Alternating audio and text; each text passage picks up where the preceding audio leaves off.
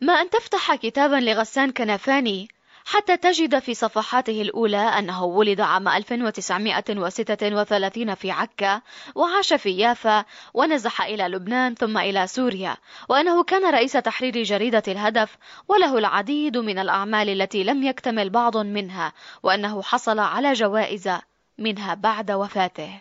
هو من قال لنا أننا إن كنا مدافعين فاشلين عن القضية فالأجدر بنا أن نغير المدافعين لا أن نغير القضية. رحلة اللجوء التي نذكرها نحن في كلمتين ذكرها لي عدنان كنفاني وهو أخو غسان في موقف معه. كنا في قرية في جنوب لبنان هي الأقرب إلى الحدود الفلسطينية. على أساس أنه طالعين ست سبعة أيام مراجعين فهذه القرية اسمها الغازية. نهضنا صباحا كي نجلب مياه للشرب للبيت. مشيت أنا وغسان وإخوتي من شان نروح نجيب المي فبقول له الشمس كانت تطلع من هون ما كانت تطلع من هون. ليش هلا عم تطلع من هون؟ بيقول لي بمنتهى البساطة لأنه إحنا قدرنا ظهورنا. الشمس لا تتغير مكانها لكن إحنا اللي قدرنا ظهورنا لها. عاشوا في لبنان في قرية الغازية في بيت شخص اسمه إبراهيم أبو بيقة لمدة قد تصل إلى ثلاثة أشهر كمحطة انتظار للعودة لفلسطين إلى أن قالوا أن قطارا سيخرج من صيدا للداخل اللبناني ثم إلى سوريا وكان القطار معدا لنقل الحيوانات. في محطة حمص نزلوا من القطار لأن الوالد لم يرد الذهاب لحلب بل لدمشق وعاشوا في الزباداني القريبة منها. أنتوا إمتى اجيتوا لحيفا؟ عام 48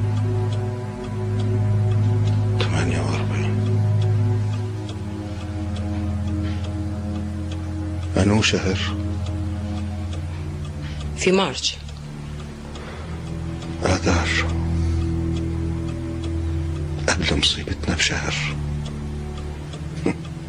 كان غسان ضئيل الجسم هادئا وساخرا جدا. كان يحب الوحدة والعزلة كان يحب الرسم كان يروي لإخوته الذين كانوا أصدقاءه قصصا مسلسلة من بنات أفكاره ورحلة اللجوء هي التي فجرت طاقته الإبداعية في الكتابة.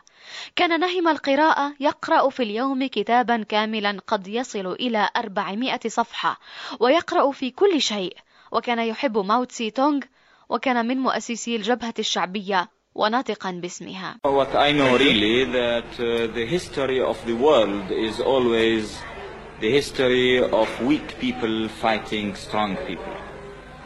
Of weak people who has a correct case fighting strong people who use their strength to exploit the weak.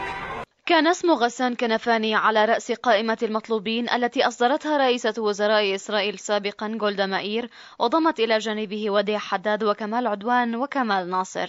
حتى لما هددت جولدا مائير أنه أنه هو اللي آه، آه، رتب عملية أوكاموتو في مطار اللد وهذا الكلام ليس صحيحا لأن غسان بحياته لم يحمل مسدس. لما هددت هي وحطت صورة مفبركة انه غسان هو اللي عمل فتوقعنا نحن أنه يستهدف. وكان ينام بكل ليلة في بيت آه، من أقاربنا في بيروت إلى أن جاءت أختي وأولادها وأقاموا عنده. ما بده يبين لها أنه متابع أو مستهدف.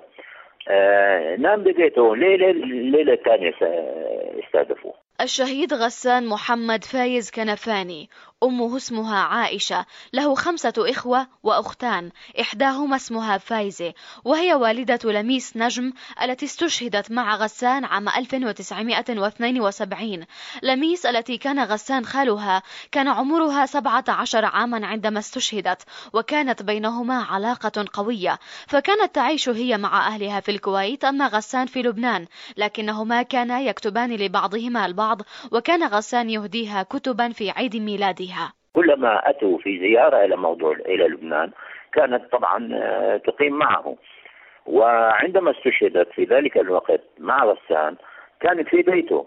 وهو نزل آه، دور السيارة وطلعها شوي من تحت البناية إجت هي بدها تفتح الباب انفجرت السيارة فهي آه، طارت شقفة واحدة وتفحمت واستشهدت. لكن غسان يعني تناولناه قطعا عن أشجار الحازمية في بيروت. وهبنا غسان عائد إلى حيفا وأرض البرتقال الحزين ورجال في الشمس والقبعة والنبي. وعندما استشهد قالت جولدا مائير أنها تخلصت من لواء فكري مسلح فغسان بقلمه أخطر على إسرائيل من كتيبة فدائيين. لشبكة أجيال الإذاعية أسيل دزدار